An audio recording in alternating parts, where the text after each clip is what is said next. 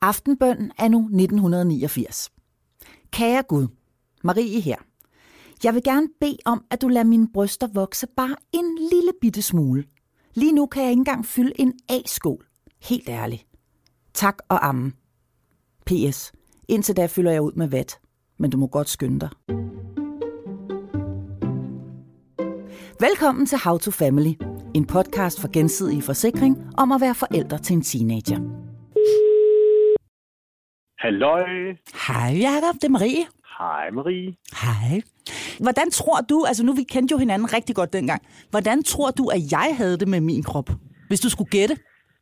Jeg, tæ- altså, jeg synes jo, du var allerede, altså da jeg så dig første gang, da du kom ind i klassen, så tænkte jeg bare, at du er, at du er det smukkeste. Du er syntesen af smukhed. Du er smukhed samlet i, i en figur.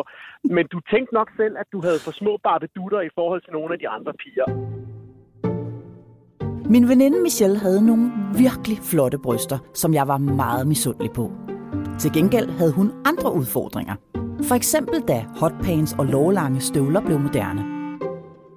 Jeg kunne ikke lyne dem ned om lægen, og jeg kunne heller ikke, altså de, de gik jo for langt op, altså på mit ben. Altså så de, de var jo ikke rart at have dem på. Fordi benene var jo ligesom ikke lange nok til at kunne være tilpasset støvlen. Så kunne det godt være, at, øh, at jeg havde nogle meget pæne bryster og, og, og, en, og en talje. Og sådan. Men det der med den der runde rumpet og de der forholdsvis runde øh, lov ja. I nogle ikke, ikke så lange ben, mm. det, det var ikke godt. Nå, men jeg ved ikke, om jeg havde regnet med det, men Gud gav mig ikke større bryster. I stedet sendte han push-up BH'en. Jeg var jo glad for plateauskoen. Den, den øh, boede jeg jo i, altså i rigtig mange år. Øh, fordi det kunne jo så forlænge en lille smule, ikke? og dem kunne man faktisk få sådan, altså med en rimelig høj plateau på også. Dem, dem synes jeg var gode. Ikke? Det var Præcis. det, der løste nogle af mine problemer. På en eller anden måde fik vi det til at fungere. Vi arbejdede med det, vi havde. Og selvom vi selvfølgelig sammenlignede os med hinanden og drømte om at ligne Helena Christensen, så var vores fokus på kroppen og dens fejl og mangler ikke alt overskyggende. Ikke? Du var ofte utrolig nedringet, og, Ja. øh, og det virkede sgu meget godt. Altså godt med læbestift på og sådan noget, så kørte det. Og hvor jeg var havde meget kort, altså, så jeg kunne vise mine ben, og så godt med vat i BH. Altså du ved, så kørte det Ja. ligesom, så hvad man ikke havde det ene sted, det måtte man jo så kompensere for det andet. Altså, Det virkede fint. Så gjorde ja. det sgu ikke noget, at benene de strittede lidt i hver sin retning. Skidt pyt med det. Vores ven Jakob havde også noget at glæde sig over i den periode. Jeg kan da huske øh, faktisk, at jeg som ung teenager sad på toilettet og kiggede ned og konstaterede, at hov, det er da vist en form for pubis, og blev så lykkelig over, at der var krømmel på karamellen, og nu var jeg også en del af det gode selskab. Lige pludselig er kroppen ikke bare noget, der skal bruges til at cykle, klatre i træer, have plaster på og pakkes ind i praktisk tøj. Den skal ikke længere bare bruges som et redskab.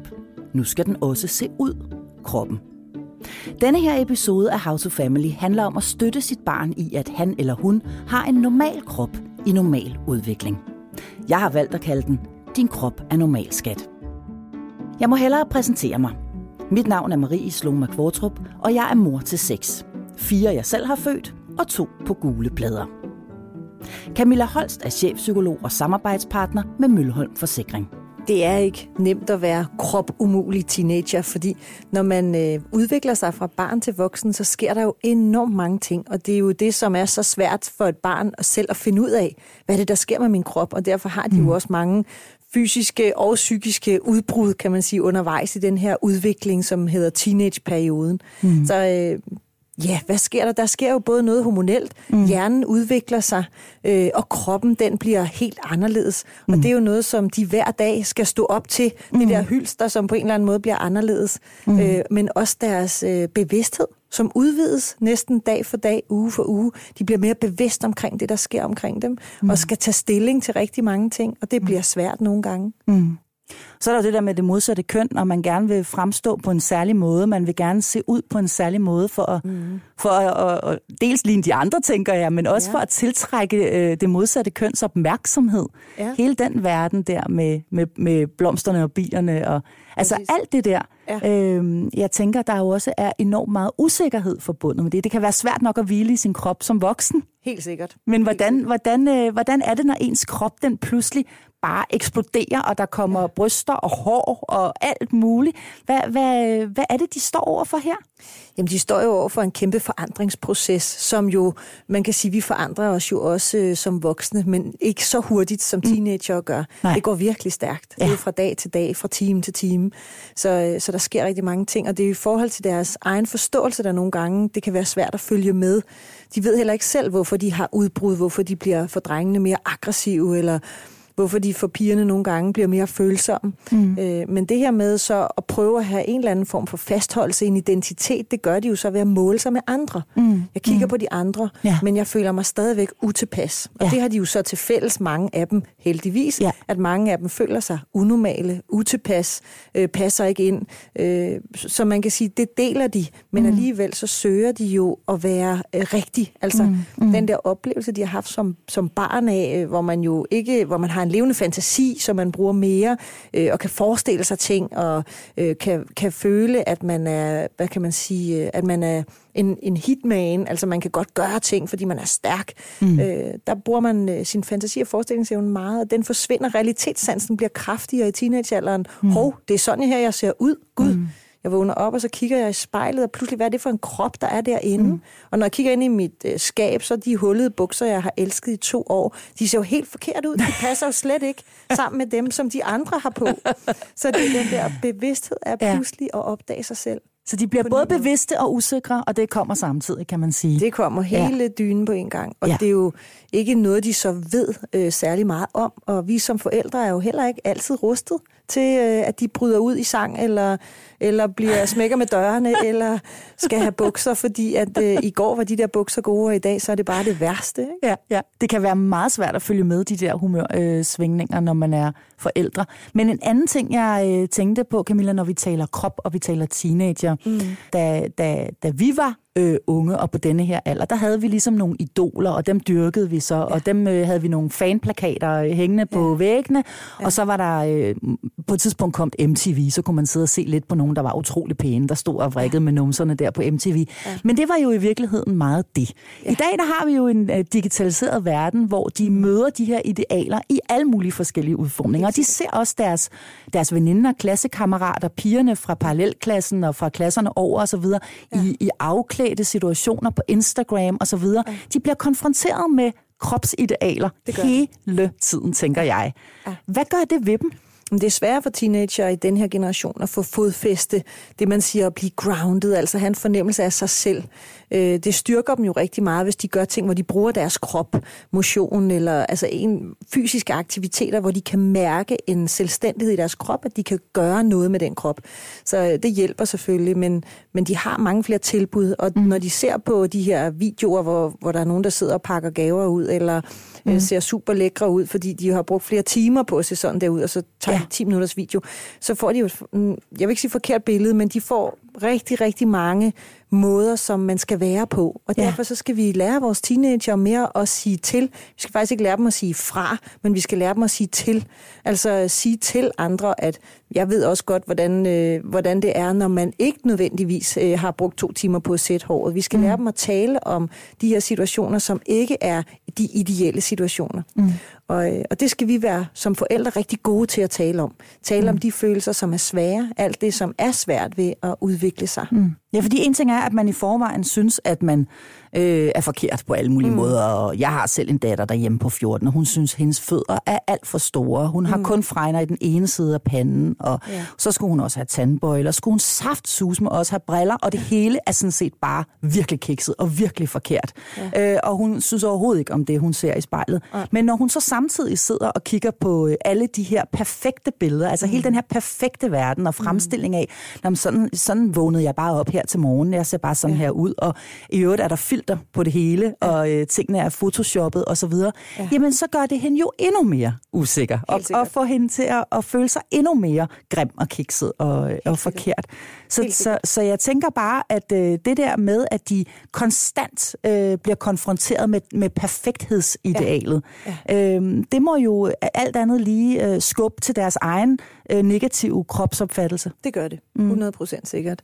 At det gør det, fordi der er så mange måder, man kan se godt ud på. Og det er jo det, der bliver vist på rigtig mange videoer, mm. øh, som de jo ser på YouTube og mm. alle mulige steder på de her sociale platformer. Der er ja. også masser af delinger med at være den perfekte. Mm. Så, øh, så det perfekte er blevet... Øh, hvad kan man sige, sådan et, øh, det er det, man er... Det er målet. Det, man er, ja, det er målet. Ja, det er målet at være perfekt. Er, ja, ja. ja. Nemlig lige og, præcis. Og det kan jo blive rigtig, rigtig farligt, ja. fordi at øh, så ser vi jo ikke, altså, hvad kan man sige, som, som teenager, når man i forvejen har svært ved sine tanker og følelser, mm. og sine egne udbrud, og sin krop. Øh, hvis man så tror, at det er sådan, man skal være, ja. så bliver det man jo meget ensporet på de ting, man gør. Lige så præcis. vi skal som forældre tilbyde alternativer. Det bliver ja. vi nødt til. Jeg siger ikke, at man øh, skal hoppe af de sociale platforme og ikke være en del af det sociale fællesskab, men Nej. man skal også tilbyde nogle andre ting. Mm. Mm. Nu har vi øh, faktisk Mia med her, øh, og Mia, velkommen til dig. Tak. Det er øh, rigtig dejligt, at du har lyst til at være med og fortælle lidt om, hvad, hvad det er for en størrelse, du har derhjemme. Det er en dejlig søn på 16 år, ved jeg, som går i 1. G. Og hvordan, hvordan har han det med sin krop, Mia? Øhm, jamen, jeg er alene med ham, og det har faktisk været altid. Øh, og, øh, og pludselig at være teenage-mor til en dreng, øh, mm. som man jo slet ikke ved, hvad det er for nogle ting, de egentlig går igennem. Øh, og i starten jo bare tænker, om det er sjovt, og det er spændende. Og, men der er jo mange ting, jeg ikke rigtig kan sådan 100% svare på. Mm. Og det, jeg oplevede, det var faktisk, at da han var lige på vej ud af 9. klasse, et stykke før han gik ud af 9. klasse, øh, der er drengegruppen, de mm. begyndte pludselig at gå rigtig meget op i at tælle kalorier. Okay. Øh, og ja. øh, han har egentlig altid været sådan helt normal, øh, og spist normalt, og set normal ud. Han er en flot dreng, faktisk. Ja. Øh, og pludselig så gik alting op i, at man skulle have en sixpack. Okay. Øh, så, så hele, denne her, hele det her kropsideal af at skal se helt præcis ud, altså ja. helt rigtigt. Ja. Øh, startede egentlig, synes jeg faktisk, rigtig sundt med, at nu vil han gerne begynde at gå i Fitness.dk, og han mm. er begyndt at løbe. Mm. Han spiller golf på et højt niveau, skal det lige sige, så han er meget aktiv. Okay. Øhm, så han var i forvejen, kan man sige, en øh, dreng, der ikke vejede for meget. Han var en dreng, der var i god form. Han var en dreng, der, tænker jeg, når han er dig som mor, garanteret også levede relativt sundt. Øh, og i det hele taget bare et rigtig godt udgangspunkt. Men så kommer der pludselig et øget fokus på det her, fordi der er noget med en sixpack. Ja. Det er det der med mavemusklerne, ikke? Der jo. skal sidde, altså man skal kunne se seks øh, muskler hele vejen ned. Og man skal kunne se dem hele tiden. Ja. Det er ikke bare sådan lige, når man har trænet. Nå. Det er konstant. Man skal kunne se dem hele tiden? Ja. Okay. Det er faktisk helst igennem tøjet. Og den skal helst se ud som en voksen mand, som er måske 30 år, ja. øh, som jo har en helt anden krop. Øh, og, og det går så igen bare som i går, vi sidder og ser Vikings. Den er vi gået i gang med at se forfra. Og de her mænd er jo kæmpe skåret, og man ja. ser nogle billeder af dem stå fuldstændig vilde, hvor jeg siger til, til min søn her, så siger jeg, skat, du er jo ikke en mand endnu. Så Nej. du kan jo ikke være så bred og så kæmpe i musklerne. Øh, og han, altså, han har faktisk formået at få en rigtig flot sixpack. Nå, det har han. Ja, det har han. Og han, øh, han besluttede sig i maj måned for, at han ville løbe halvmarathon. Øh, og så tænkte jeg, fedt, jeg køber et startnummer, og han øh, løb den her halvmarathon på en helt vild kanontid på 1.44. Hold da kæft. Og så skulle han løbe øh, imitageløbet, og det noget, han også på under en time. Så altså, han har jo formået at, at sætte sig nogle mål. Ja. Og det synes jeg jo kun er rigtig fedt. Øh, der, hvor at, at jeg er mega bekymret, det er fordi, at der går ikke, der går ikke en time, der går ikke 10 minutter, uden at han skal kigge sig selv i spejlet. Mm. Uden at han lige, hvis han bevæger sig lidt til den ene side, eller lidt til den anden side, så, hov, nej, jeg er tyk, jeg er tyk, jeg er tyk. Øh, han går på vægten måske fem gange om dagen. Øh, han vil, altså han spiser sundt, og han spiser. Så, mm. så jeg er ikke sådan bekymret fuldstændig vanvittigt, men det gør mig simpelthen så ked af det, at han hver dag, når vi sidder i sofaen, så pludselig får han sådan et fokus mm. kun på hans mave. Øh, så kan han få et fokus på hans kinder. Øh, og, og alt drejer sig om, at han synes, han er for tyk. Mm. Han er 1,80, mm. og han vejer 63 kilo. Ja. Det er ikke ret meget. Nej, det er ikke ret meget. Nej. Mm. Øhm, og, og, og det er ligesom om, hver dag, så er det hans lår, så er det hans mave, så er det hans hoved. Øhm, og, og det er meget, meget sjældent, at han kan ligesom komme ud af det her øh, forfærdeligt sted at være, ja. tænker jeg. Ja. Øhm, og fra at jeg sådan til at starte med prøvede at, nej, hold nu op og hold nu op, så har jeg faktisk også begyndt nogle gange, og det er sikkert helt forkert, men, men så skælder jeg nærmest ud, fordi ja. jeg bliver helt vildt stresset over... Du bliver frustreret? Ja, ja. det gør jeg. Øhm, så du skælder faktisk ud og siger, så stop dog øh, med det der fuldstændig, fuldstændig sygt fokus, du har. Eller, ja. ja. Camilla, vi er nødt mm. til at, øh, at have dig på banen. Her er en dejlig, søn og sund dreng, der på alle mulige måder fungerer fuldstændig som han skal, men han er blevet, virker det for mig, og, og, og han, han har jo, har jo fået et helt øh, afsporet fokus på ja. denne her krop. Hvad, hvad, hvad, hvad, hvad gør Mia her? Ja, altså man kan sige først og fremmest, så kan man sige, i forhold til, at han jo træner golf på højt niveau, så vil det være desværre lidt naturligt, at han bliver mere og mere kropsfixeret, for det er jo der, hans selvtillid er. Det er jo der, han kan stole på. Han kan stole på sit sving, han kan træne det 100, 200, 300 gange, og han kan blive bedre og bedre til det. Så man må ikke tage den her oplevelse fra ham, at, at øh, jeg kan faktisk godt stole på min krop. Det, der så svigter ham, det er jo, at han hele tiden jo udvikler sig stadig, og nu er han 81 nu, men jeg tænker, det har han jo ikke været hele tiden. Så det her med, at han hele tiden oplever, at hans krop bliver anderledes, det er mm. der, hvor den tilter for ham. Øh, altså det er simpelthen øh, svært for ham at håndtere, at den hele tiden flytter sig fra det, den var i går. Mm. Så, øh, så man kan sige, at sporten er rigtig god for ham, i forhold til, at han træner sig selv at bruge der. Men, øh, men han er også gået over at blive mere kropsfixeret. Og jeg kan godt forstå din bekymring. Jamen det kan jo være sådan noget, øh, for eksempel hvis vi har bare spist øh, helt almindelig mad, fordi han spiser jo nærmest ikke andet end grønkålsalat med kylling Nej. og sådan noget, men, ja. men vi har spist, øh, og måske en halv time senere, så kan man mærke på ham, han får det dårligt. Mm. Så skal han ud og løbe 10 kilometer. Ja. Øh, og nogle aftener, så forbyder jeg ham det simpelthen, fordi ja. jeg siger, ej, du har lige været til golf i to timer, ja. du behøver ikke også at løbe 10 kilometer. Det det. Men andre gange, så kan jeg godt se, at jeg er nødt til bare at sige, okay, så gør det. Men først når han kommer tilbage og sådan, se mig, se mig, se mig, mm.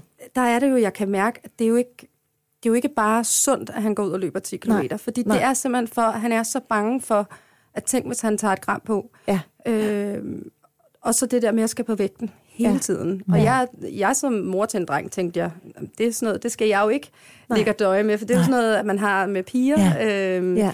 Så jeg har slet ikke været, jeg har slet ikke været forberedt på, at det Nej. kunne være en situation, man kunne komme ud fra som mor til en teenage-dreng. Nej, det kan jeg godt forstå. Men, øh, men du er ikke ene. Altså, det, det er jo en, en bølge, kan man sige, som, som vi ser rigtig meget nu med teenager, som bliver mere optaget af deres krop. Øh, det, som er vigtigt, det er at få delt det ad. Altså der, hvor han har en, et kropsideal i forhold til sporten, altså fordi der skal han bruge den til at nå nogle mål. Det er fint. Det andet, det er, at han jo så i den sport jo arbejder meget alene. Altså han er jo en dreng, der, der det, er jo, det afhænger, hans resultater afhænger af ham selv. Mm. Og det er det, der bliver overført over i hans oplevelse af hans krop. Så det er der, du skal ind og kile nogle andre ting ind og have skubbet lidt til ham. Altså det vil sige, at han skal faktisk til at udvikle sit sociale jeg noget mere. Mm. Øh, det kan give ham sådan, hvad kan man sige, forstyrrelser i, at han så øh, øh, glemmer at være så optaget af kroppen, når han ikke er i, i sin sport. Øh, så altså det her med, at der skal ske noget andet. Jeg ved ikke, hvor er han henne socialt lige nu? Ses han med mange mennesker, eller har han nogle kredse, han kommer i, eller hvordan er han social med andre? Jamen, han er fantastisk social. Mm. Øh, mhm. han har mange venner, mm. øh, både lokalt, øh, som, ja. så han ses meget med dem, han gik i 9. med, ja. eller har gået i skole med hele livet, øh, men også på gymnasiet, og også fra golf. Og altså, ja. han... Øh, han er utrolig social, og han er meget vældig, og han er super meget humor og sådan noget. Så han er, altså, han er jo en god dreng. Ja. Og det er jo det, der sådan, kan man sige, bekymrer mest, fordi det der er med, at han spiller golf på et højt niveau, det, det er sådan en ting, men i virkeligheden, så i golf, det er nu jeg også begyndt at spille og det er pisse svært. Ja. Øh, der kan virkelig være nogle dårlige dage, og dem har han jo også. Og når han har det, så, så knækker han sig selv fuldstændig. Og det, okay. så er, er det bare, fordi han er grim og tyk, og alt er okay. i vejen. Så, så, så det bølger jo frem og tilbage. Ja. Øhm, Helt klart. Med hele tiden at ligge på, jeg er bare ikke god nok. Jeg er jo ikke god nok, fordi okay. Og er han også sådan i andre mm. relationer, tænker jeg bare på? Er han perfektionist i det hele taget? Ja. Ja, mm. fordi det lyder som om, han også mm. kunne være sådan i forhold til alle mulige andre af livets øh, facetter, at, han, at kun det bedste er godt nok. Og han ja. er ud af konkurrencemenneske, og der er han jo så havnet, som Camilla siger, i en sport, mm. hvor han er helt alene om at tage ansvaret for, hvis det går dårligt. Mm. Det er jo ikke sådan, om de andre spillede dårligt i dag, som man kan sige, hvis man spiller basket eller et eller andet. Men jeg tænker, der er jo også meget, altså, der er meget pres på hans perfektionisme, når han så også har den, øh, den sport, tænker jeg bare. Mm. Helt sikkert, ja. helt sikkert. Så, øh, så måske er du den rigtige til også øh, at få kilet nogle andre situationer ind. Altså noget, som handler om, at øh, mit liv og dit liv og vores liv skal også handle om at slappe af. Det skal også handle om, at vi sidder i sofaen og, og ser en serie sammen, eller gør nogle helt andre ting. Fordi noget af det, som er vigtigt for dig, Mia, det skal han også mærke er, er vigtigt i hans liv. Altså de her livsværdier. Jeg ved ikke, hvad du holder allermest af. Hvad holder du selv af at gøre rigtig meget? Oh, jamen, altså, nu holder jeg jo også af naturen, og det er jo også derfor, at jeg også har begyndt at spille golf. For faktisk nogle af de timer, vi har, der er allerhyggeligst, det er jo, når vi er ude og spille golf sammen, fordi at det kan man jo i den sport, så det er jo ret sjovt. Ja. Øhm, og så de timer, hvor at vi, vi sidder bare og ser en serie på HBO og hygger, og ja. han er jo meget kærlig og husker at fortælle mig mange gange om dagen, hvor højt han elsker mig og sådan noget. Så det er jo der er jeg jo bare virkelig lykkelig og ved, at et eller andet har ja. jeg jo gjort, der har været Nå. godt. Ja, ja, han er, han er meget, meget kærlig, og, ja. og det, det kan man også se med hans venner og sådan noget. De kan godt lide at komme hjem hos os, fordi der er altid sådan en hygge og en ro og, og, og så videre, men... Ja. Men de der situationer fra, at vi simpelthen kan sidde og være så tæt øh, i en situation og hygge ja. os, lige ja. pludselig, så kan jeg jo se, at så kommer hånden ned under øh, tæppet eller et eller andet, fordi så skal, skal han, han lige... mærke. Ja. ja. Og så pludselig så ryger han lidt ud af det, ja. vi er i. Ja. Fordi hans fokus bliver på hans krop. Ja. ja, lige præcis. Altså man kan sige, det er jo rigtig godt at få en snak med ham om, hvad forventer han egentlig, at han skal øh, være, øh, og hvad skal han bruge, hvad skal han bruge den der sixpack til? Altså, øh, jeg tænker lidt, øh, nu har du fortalt, at du er alene med ham, og altid har været alene med ham. Og så tænker jeg lidt, er der en anden farfigur i hans liv? Nogen, der fungerer som en, en, en mandlig figur, eller som han kan spejle sig lidt i, eller tage en snak med det her om, eller... Nej, desværre Hvad med hans ikke. træner på, i, i hans golftræner, hvordan har de det sammen? Jamen, der, altså, de er ikke sådan tætte. Jeg tror, at, at der er nogle af, de øh, elitespillere ude i, golfklubben, som er på et endnu højere niveau, meget højere niveau. Mm. Øh, de træner jo også meget, og, mm. og dem taler han jo meget med om, hvad det er for nogle træningsaktiviteter. Og, og en gang imellem, øh, og så er min personlige træner jo også, øh, men, men en gang imellem, så øh, får de fortalt øh, lidt omkring, hvordan de egentlig spiser. Okay. Fordi det er jo noget af det, der mm. sådan lidt kan være øh, det vigtigste også, at han får at vide, du skal jo altså ja. have ja. nogle proteiner for Præcis. at bygge de her muskler op, så det hjælper Præcis. ikke kun at spise kål og, Ej, og æg. Øhm, og der virker det nogle gange som om, at han lytter og, og virkelig ja. bliver sådan øh, ja. ramt af det. Ja. Men det er kun et øjeblik. Ja, så er den tilbage igen. Så er han tilbage igen. Ja. ja. Altså, der skal helt sikkert gøres noget, og, og spørgsmålet er, om du selv skal gøre det, eller du skal finde en, som er hans yndlingstræner derude i golfklubben. Nogen skal i hvert fald have den her snak med ham, om at vi er jo rigtig, rigtig dejlige mennesker, også uanset. Men det er også vigtigt at finde ud af, hvorfor han gør det. Altså, hvad er årsagen til, at han skal være den perfekte? Er det, fordi han skal være den inde i sig selv, han vil være den perfekte søn for dig? Er det, fordi han vil gøre dig mega stolt af ham? Eller er det, fordi at han bare tænker, at han skal passe ind? For han passer jo allerede ind. Så han er jo meget likable, altså han har masser af venner, og han fungerer rigtig godt. Så hvad må det er, han forventer, der skal komme ud af at være perfekt? Det er rigtig vigtigt at vide. Øh, og så det her med måske at have, nu har han jo så ikke lige øh, en far, der kommer hjem og ser dødtræt ud og smider sig i sofaen, så altså den, det ideal har han ikke. Øh, men, og, og det kan jo også være... Men det gør jeg. men det gør mor. Præcis. Præcis. Kommer hjem og slapper af, ikke? Øh, men det er det her med måske at have en eller anden form for mandlig figur, som han kan spejle sig lidt i, fordi mm. han er i teenagealderen. Og måske er der nogen i jeres familie. Det kunne være, at du har søskende, eller men nogen, som på en eller anden måde kan, kan hjælpe ham til, at han er jo helt perfekt som den mand, han er ved at blive. Mm. Fordi jeg tror, han kan være lidt usikker på sin mandighed. Altså det er det, han, han tester af med den der krop. Den skal være helt rigtig perfekt. Og, men mm. hvad skal han bruge det til? Ikke? Fordi han har det dejligt, og han er meget velholdt, ikke? eller hvad, afholdt. Ikke? Altså, der er mange, der holder af ham. Ikke? Mm. Og også velholdt, fordi han jo holder sin krop godt. Så han er jo altså, hvad man kan sige, perfekt. Ikke? Han er mm. kærlig, han er omsorgsfuld, han har jo hele pakken, mm. men han har ikke troen på sig selv. Og det kan godt være noget med hans maskulinitet, som på en eller anden måde, han ikke kan finde fodfæste i. Og det er jo ærlig snak, og der er jo masser af møder, som er alene med deres drenge, men det er rigtig godt at have et alternativ til, hvem kan han så snakke med om det her med at være mand og blive mand. Det er jo noget mærkeligt mm. noget, ikke? Mm. Ja. Men hvordan mm. fjerner man deres fokus fra det perfekte ideal hen på noget, der rent faktisk er sundt og normalt? Altså, vi kan kun gøre det ved at give dem alternativer, som jo er vores, vores måde at være i verden på. Ja. At, øh, at at vi jo ikke er perfekte. Mm. Altså, øh, og hvad er det så at være perfekt? Det er der jo en lang diskussion om, men der bliver fremstillet, i hvert fald for de unge, mm. nogle idealer om, at det er noget med at have en perfekt krop, altså mm. noget med at have nogle tonede muskler og, ja.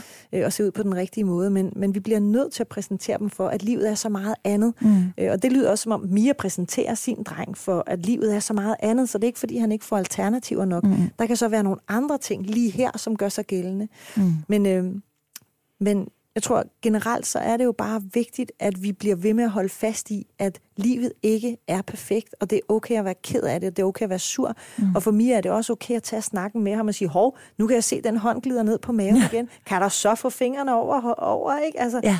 øh, man kan sige, det er jo... Altså, kan du gøre det, Mia? Kan du være meget sådan konkret og simpelthen slå ned på det, når det er, det sker? Jamen, det er jo det, det er jeg jo begyndt at gøre, og jeg, nogle gange, så tænker jeg, så starter jeg næsten en konflikt, uden at det bliver jo ikke en rigtig konflikt, men han er meget sådan, lad mig nu bare være, og nej, det var slet ikke det, og jeg flyttede bare lige, og hvor mm. siger, det, det ved jeg jo godt, du ikke gør, og, og hvad, hvad er nu problemet? Og han kan jo nogle gange, hvor han faktisk er sulten, mm. så nej, det er jeg ikke alligevel, fordi så tager jeg jo sikkert to gram på, og det vil jo være frygteligt. Mm. Øhm, men men jeg prøver rent faktisk både, og på et tidspunkt har jeg sagt til ham her for noget tid siden, at jeg sagt, jamen, skal vi finde en at tale med? Altså, mm. skal vi prøve at få en coach, øh, som, som kan hjælpe dig? Mm. Øh, vil du begynde at gå hos min personlige træner? Men, men det er jo ikke et spørgsmål om, at han i virkeligheden skal mm, have hjælp til meget andet end inde i sit hoved, mm. og, og tro på, at når mm. han kigger sig selv i spejlet... Ja, så er han god nok. Så er han god ja. nok. Ja. Mm. ja. Præcis. Og man, er, man bliver så frustreret som forælder, for jeg kender det godt fra mig selv. Jeg har jo selv en datter, som synes, hun er forkert på alle måder. Øhm, og udefra set, så er hun bare så vidunderlig.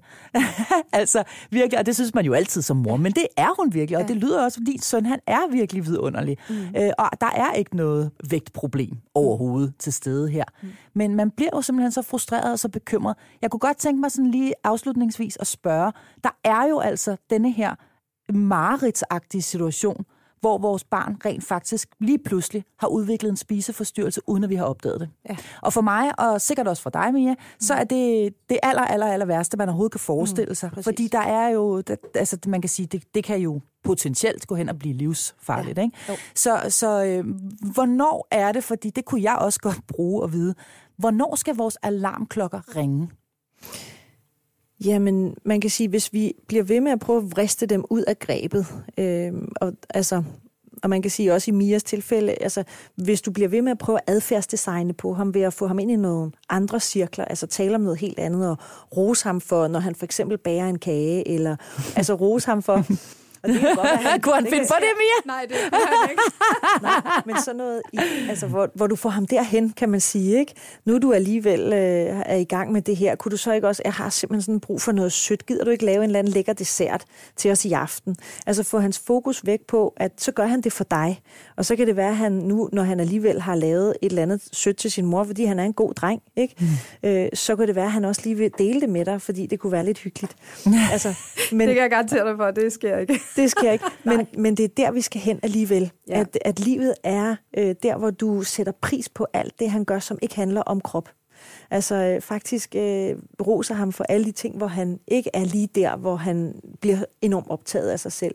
Og øh, altså i værste fald kan du jo gøre det, at, øh, at du kører en meget, meget hård proces, hvor du siger, jamen jeg sætter simpelthen øh, plastik på spejlene i, øh, i en uge. Vi bliver nødt til at tage en detox. Mm. Fordi jeg har brug for, at du er til stede sammen med mig i mm. nogle idealer, som jeg gerne vil have, du vokser op i, og jeg gør det i en god mening. Trust me, han skal nok øh, få det rigtig godt og at der sker ikke noget ved, at du fjerner spejlene i en periode. Og vægten og, måske, tænker jeg. Og vægten, helt sikkert. Fordi fem gange om dagen, den kan jo svinge med to kilo hos en der i løbet af en dag. Ja, præcis. Det bliver man jo sindssyg det, af. Det må du gerne, fordi at det må ikke udvikle sig. Øh, og du må også gerne gøre det og sige til ham, jeg gør det i kærlighed, og det vil du forstå om et år, fordi så er du væk fra det her. Men lige nu gør jeg det, fordi at jeg har noget, jeg gerne vil vise dig. Livet er noget andet, og det er det, mm. jeg gerne vil vise dig. Mm. Så øh, vi kan gøre så mange ting i god kærlighed, og du har jo en dejlig dreng. Så, øh, så jeg ved, at hvis du bare holder fast, Mia, så kan du også få ham med, og han vil godt forstå, hvorfor det egentlig er, du gør det. Men når han er i det, kan han ikke forstå det. Og det er så tilbage til det her med spisforstyrrelser. Den mm. første tanke er jo egentlig at blive optaget så meget af det, øh, og på et tidspunkt er det for sent at bryde ind. Ja. Altså, øh, når de bliver ældre, lad os nu sige to-tre år fra nu, hvor mm. det har fået lov til at, at være, og, øh, og det mm. ligesom har vundet over, så kan det være så sindssygt svært som mm. forældre at få det vendt tilbage igen. Så, øh, og det er jo så der, Og så er det, vi har meget Ja. ja. Mm.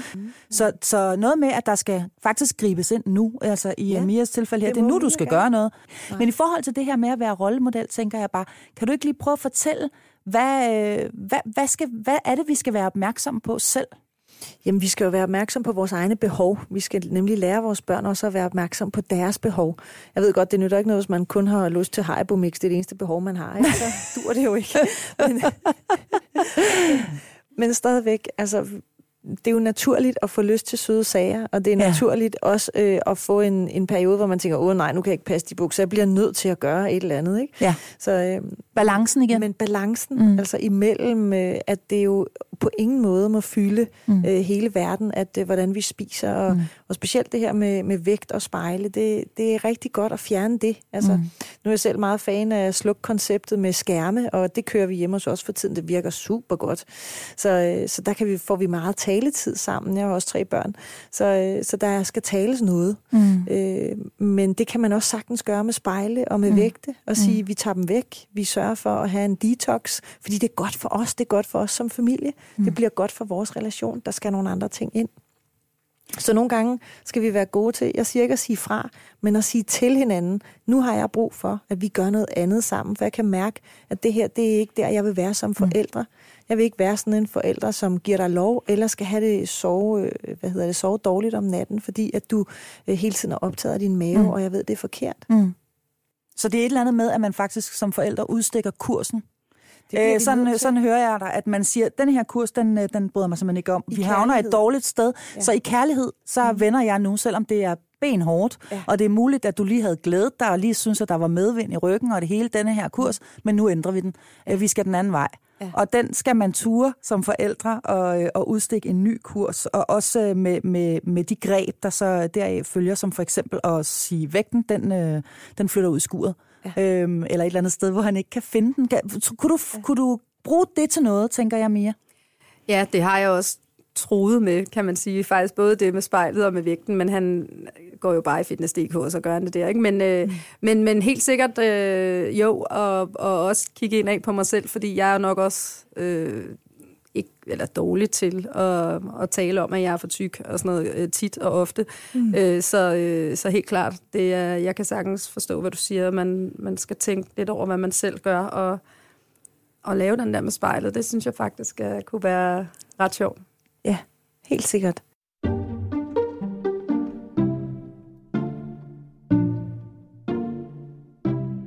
Teenagerens krop er i voldsom udvikling. Og samtidig med at kroppen forandres, bliver de bevidste om, hvordan andre ser ud. De bliver usikre og utilfredse, og det er helt naturligt. Samtidig bliver de unge i dag bombarderet med billeder af perfekte kroppe. Billeder, der ofte er retuscheret og har filter på, og som jo altså kun er øjebliksbilleder og ikke hele sandheden. Det skal vi huske at tale om.